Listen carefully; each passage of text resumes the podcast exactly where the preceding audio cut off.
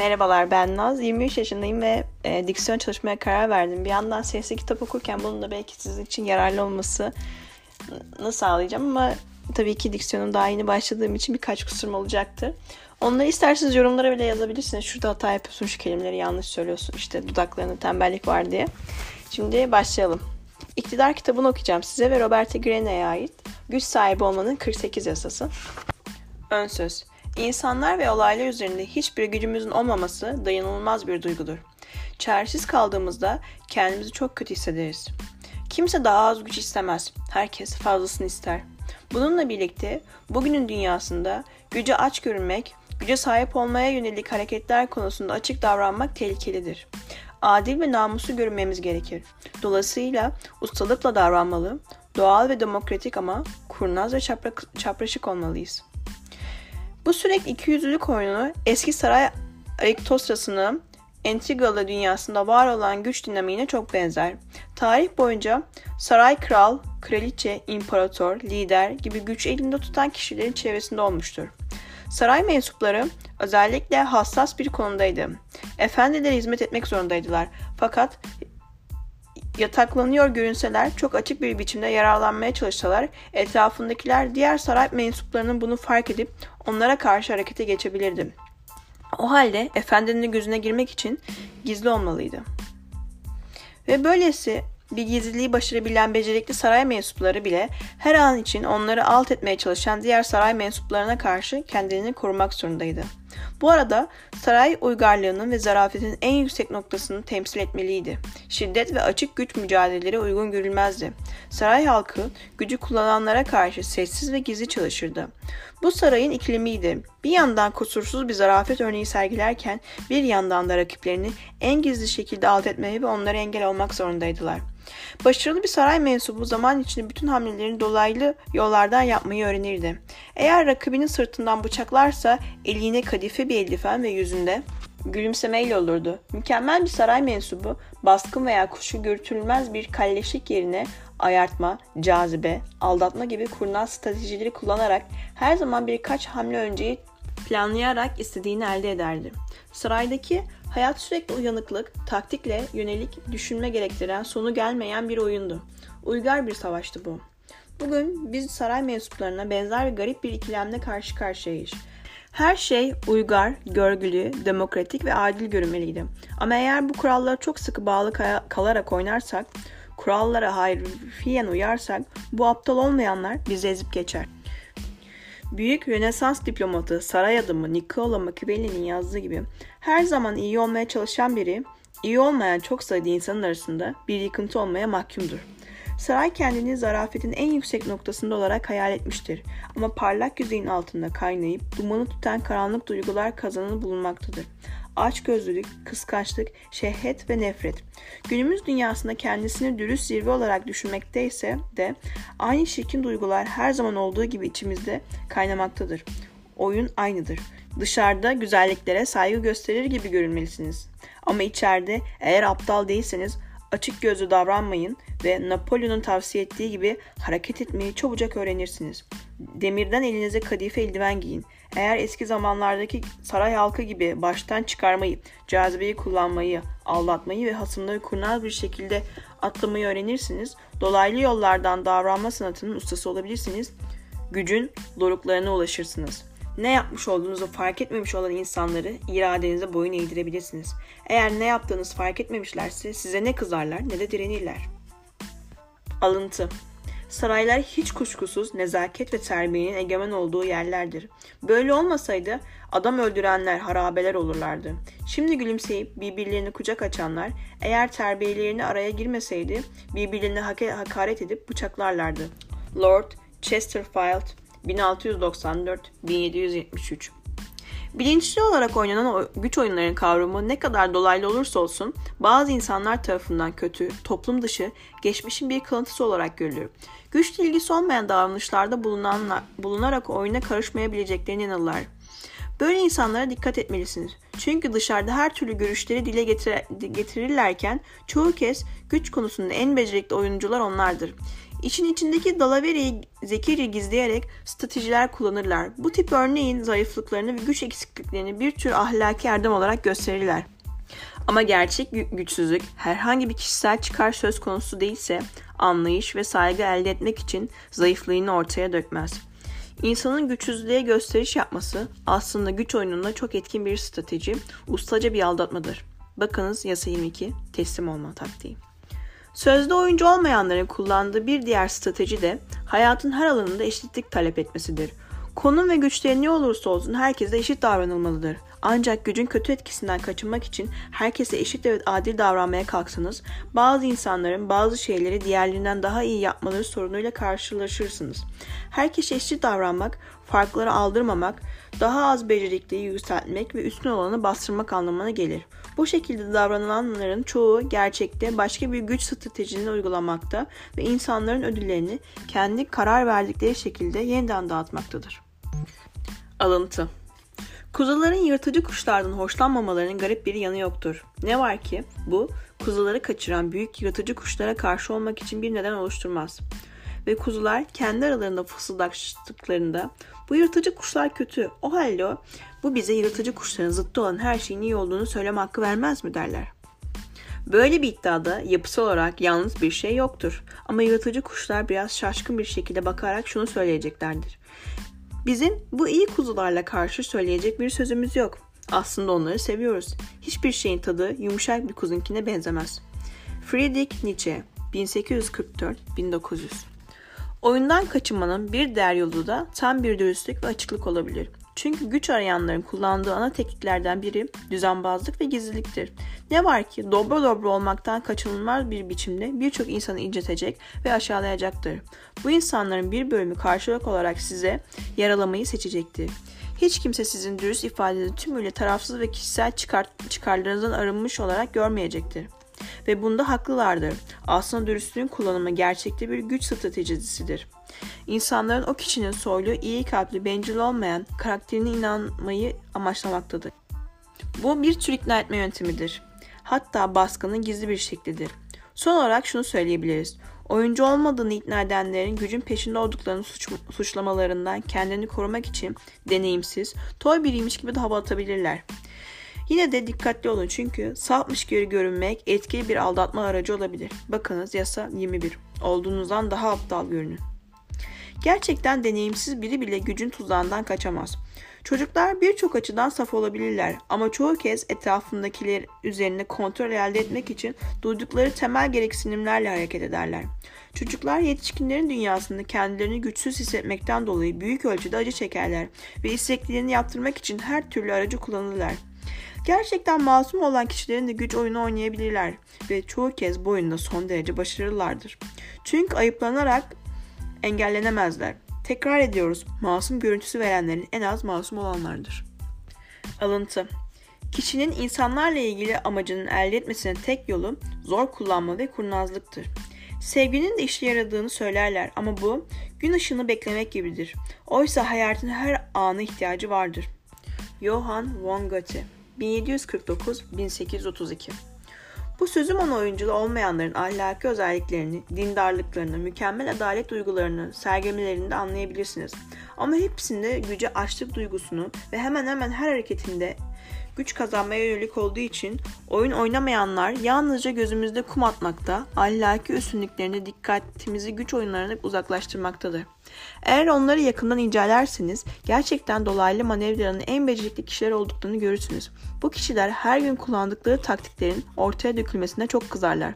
Eğer dünya dev bir entrika sarayı ise biz de onun içinde kısılıp kalmışsak oyundan vazgeçmenin bir yararı yoktur.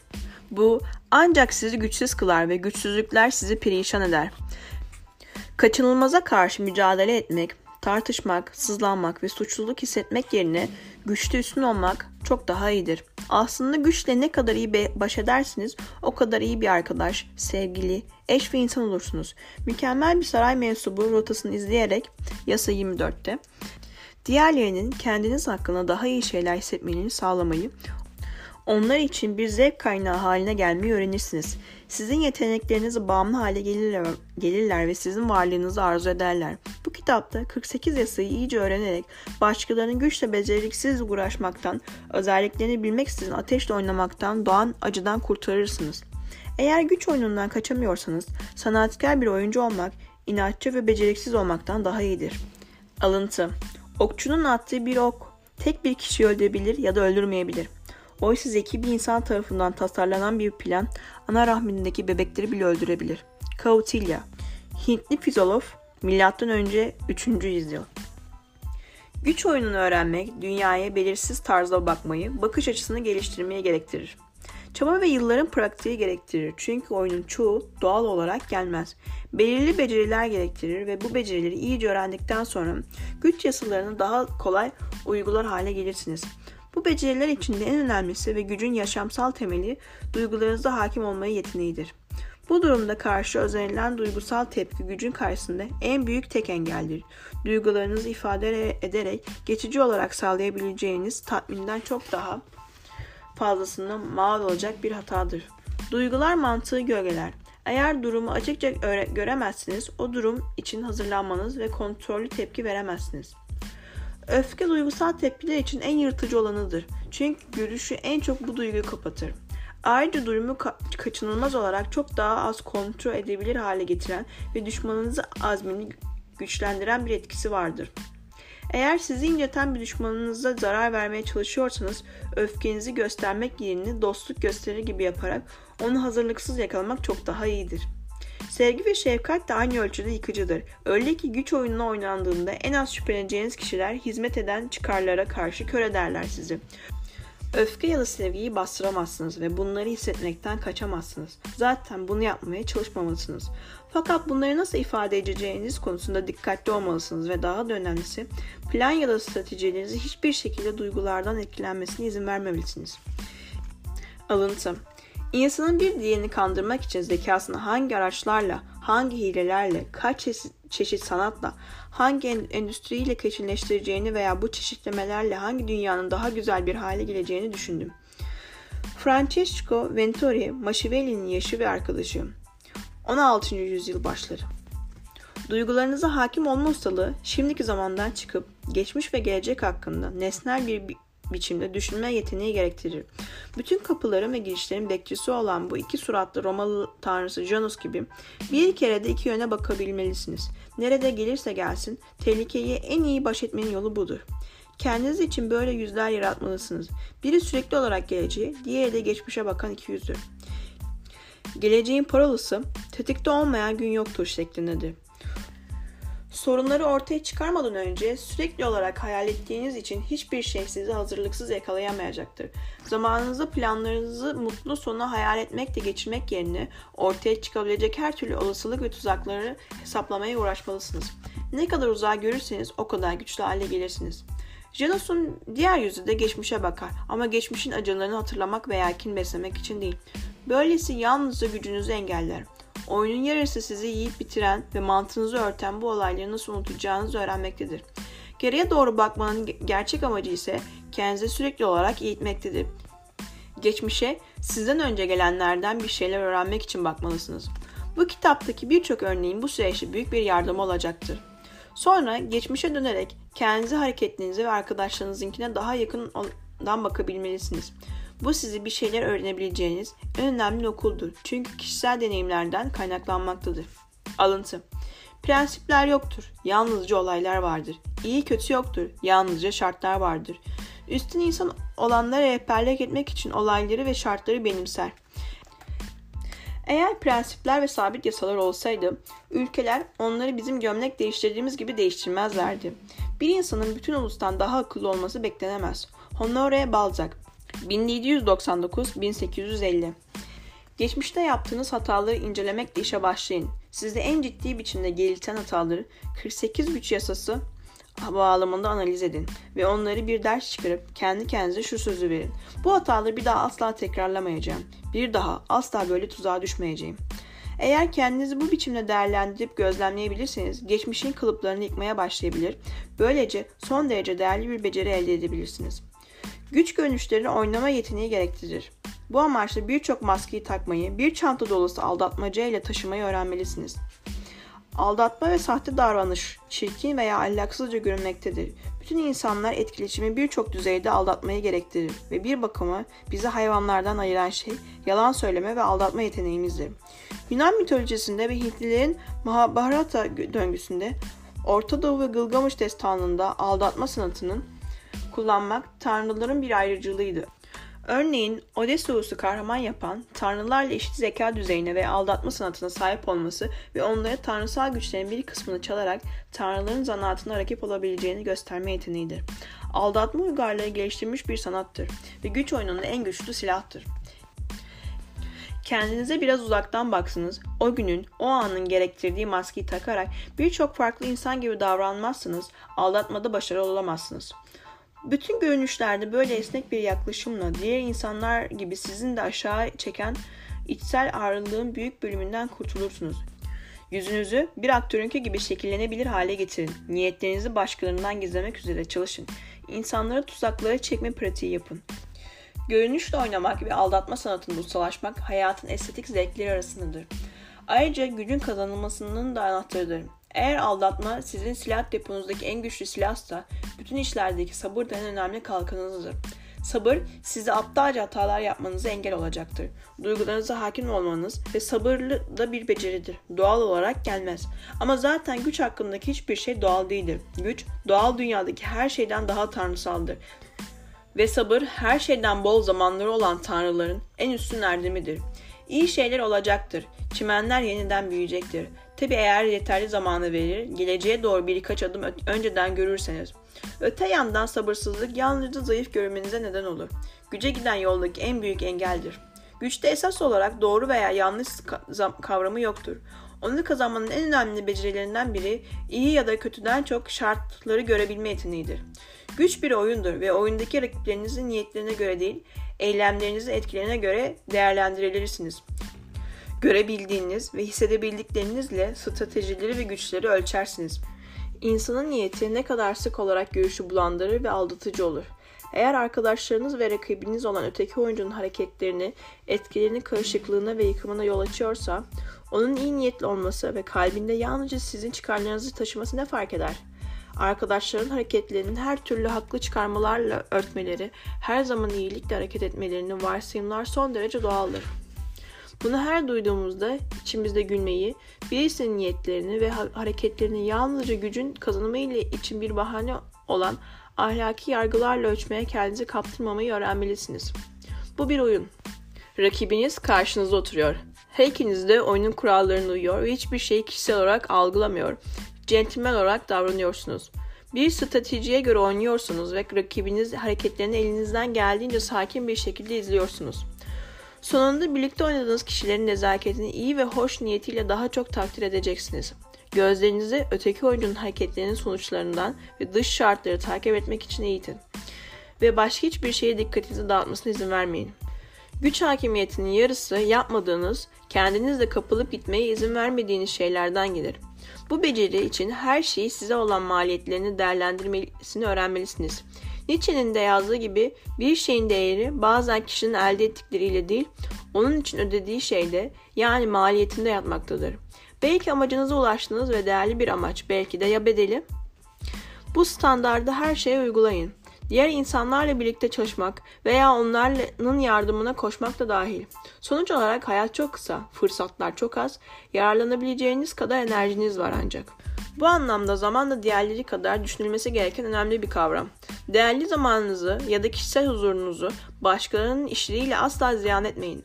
Bu ödenmesi gereken çok yüksek bir bedeldir. Güç toplumsal bir oyundur. Onu öğrenmek, ustalaşmak için insanları incelemek ve anlama yeteneğini geliştirmelisiniz.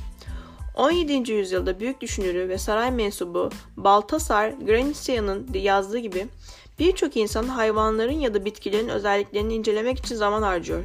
Oysa birlikte yaşamak zorunda olduğumuz insanlarınkini incelemek ne kadar önemli olurdu. Usta bir oyuncu olmak için usta bir psikolog olmanız da gerekir. İnsanları harekete geçiren güdüleri, güdüleri tanımalı ve davranışlarındaki kuşattıkları toz bulutunun arasından görebilmelisiniz. İnsanların gizli güdülerini anlamak gücün kazanımında sahip olabileceğiniz en önemli bilgidir. Aldatma, ayartma veya kullanmanın sonsuz olasılıklarını ortaya döker. İnsanların sınırsız karmaşıklığa sahiptir ve onları tam olarak anlayamadan se seyrederek bir ömür geçirebilirsiniz. O halde eğitimimize şimdi başlamak çok önemlidir. Bunu yaparken bir ilkeyi asla aklınızdan çıkarmamalısınız. İnsanlar arasında asla kimin inceleyeceğinize ve kime güveneceğinize göre ayrım yapmayın. Kimseye tamamen güvenmeyin ve herkesi inceleyin. Arkadaşlarınızı ve sevdikleriniz de dahil. Son olarak her zaman güce giden dolaylı rotayı tercih etmeyi de öğrenmelisiniz. Kurnazlığınızı gizleyin. Hedefinize ulaşmadan önce birkaç vuruş yapıp puan kazandıran bilardo topu gibi sizin hareketleriniz de planlı olmalı ve en az belirgin olan şekilde geliştirmelidir. Kendinizi dolaylı davranmak üzere eğitirseniz modern sarayda başarılı olabilir, insanların harika bir biçimde parmağınızın ucunda oynatırken kusursuz bir nezaket örneği oluşturabilirsiniz. Dolaylı davranma sanatının bir kılavuzlu kitabı olarak iktidar, güç sahibi olmanın 48 yasasını da okuyun. Buradaki yasalar güç oyununun inceleyip bunda savaşan kadın ve erkeklerin yazılarına dayanmaktadır. Bu yazılar 3000 yıllık bir süreyle yayılmıştır. Eski Çin ve Rönesans İtalyası gibi birbirine hiç benzemeyen uygarlıklar da yazılmasına karşın ortak fikir ve görüşler içermektedir. Gücün 48 yazısı, tarihteki en ünlü stratejistleri, devlet adamlarını, saray mensuplarını, baştan çıkarıcılar ve üçkağıtçıların yazılarından toplanan birikmiş bilgilerin damıtımıdır. Yasaların basit bir önermesi vardır. Belirli hareketler her zaman insanın gücünü arttırırken diğerleri de gücü azaltmaya hatta bizi mahvederler. Yasaya uymayanlar ve yasayı çiğnemeyenler tarihsel örneklerle açıklanmıştır. Bu yasalar kesindir ve zamanla sınırlı değildir. Gücün 48 yasası çeşitli şekillerde kullanılabilir. Bu kitabın baştan sona okuyarak güç hakkında genel şeyler öğrenebilirsiniz. Söz konusu yasalardan birkaçı hayatınızda doğrudan ilgili olmasa da zaman içinde hepsi uygulanabilir ve aslında birbiriyle ilişki olduklarını göreceksiniz.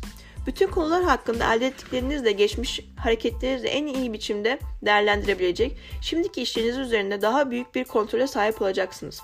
Kitabın baştan sona okuması, okumasını düşünmeyi, kitabı bitirdikten uzun bir süre sonra bile yeniden değerlendirmeye ilham edecektir. Kitap ayrıca gözden geçirilip şu an sizinle en çok ilgili yasayı da bulmanızı sağlayacak şekilde düzenlenmiştir. Diyelim ki patronunuzla bir sorununuz var ve çabalarınız neden daha büyük minnettarlık ve tarifi getirmediğini anlayamıyorsunuz. Bir yasa özellikle alt üst ilişkilerine yöneliktir ve kesinlikle bunların birini çiğniyorsunuz demektir. Bölüm başlarındaki yasaların özetlerini gözden geçirerek ilgili yasayı bulabilirsiniz. Son olarak kitap eğlence amacıyla şöyle bir okunabilir. İktidardaki atalarımızın zaaflarını ve büyük işler arasındaki eğlenceli bir yolculuk yapabilirsiniz. Ancak kitabı bu amaçla okuyacaklar olanlar için burada bir uyarı yapmamız gerekiyor. Güç kendi tarzı içinde bitmek bilmeksizin ayartıcı ve aldatıcıdır. Bir labirenttir. Zihninizi onun sonsuz sayıdaki sorununu çözmekten yorgun düşer ve çok geçmeden ne kadar hoş bir şekilde kaybolduğunuzu fark edersiniz. Başka bir deyişle ciddiye almakla en fazla eğlendirici hale gelir. Böylesine önemli bir konuyu hafife almayın. Güç tanrıları hafife almaya kızar. Yalnızca inceleyen ve düşünenlere ni nihami tatmin verirken iyi zaman geçirmek için yüzeyi tarayanları cezalandırır. Alıntı her zaman iyi olmaya çalışan bir insan, iyi olmayan çok sayıda insanın arasında bir yakıntı haline gelecektir. Bu nedenle otorite kurmak isteyen bir prens nasıl iyi olunmayacağını öğrenmeli ve ihtiyacı bağlı olarak bu bilgiyi de ya kullanmalı ya da onu kullanmaktan kaçınmalıdır. Prens Nicola Machiavelli 1469-1527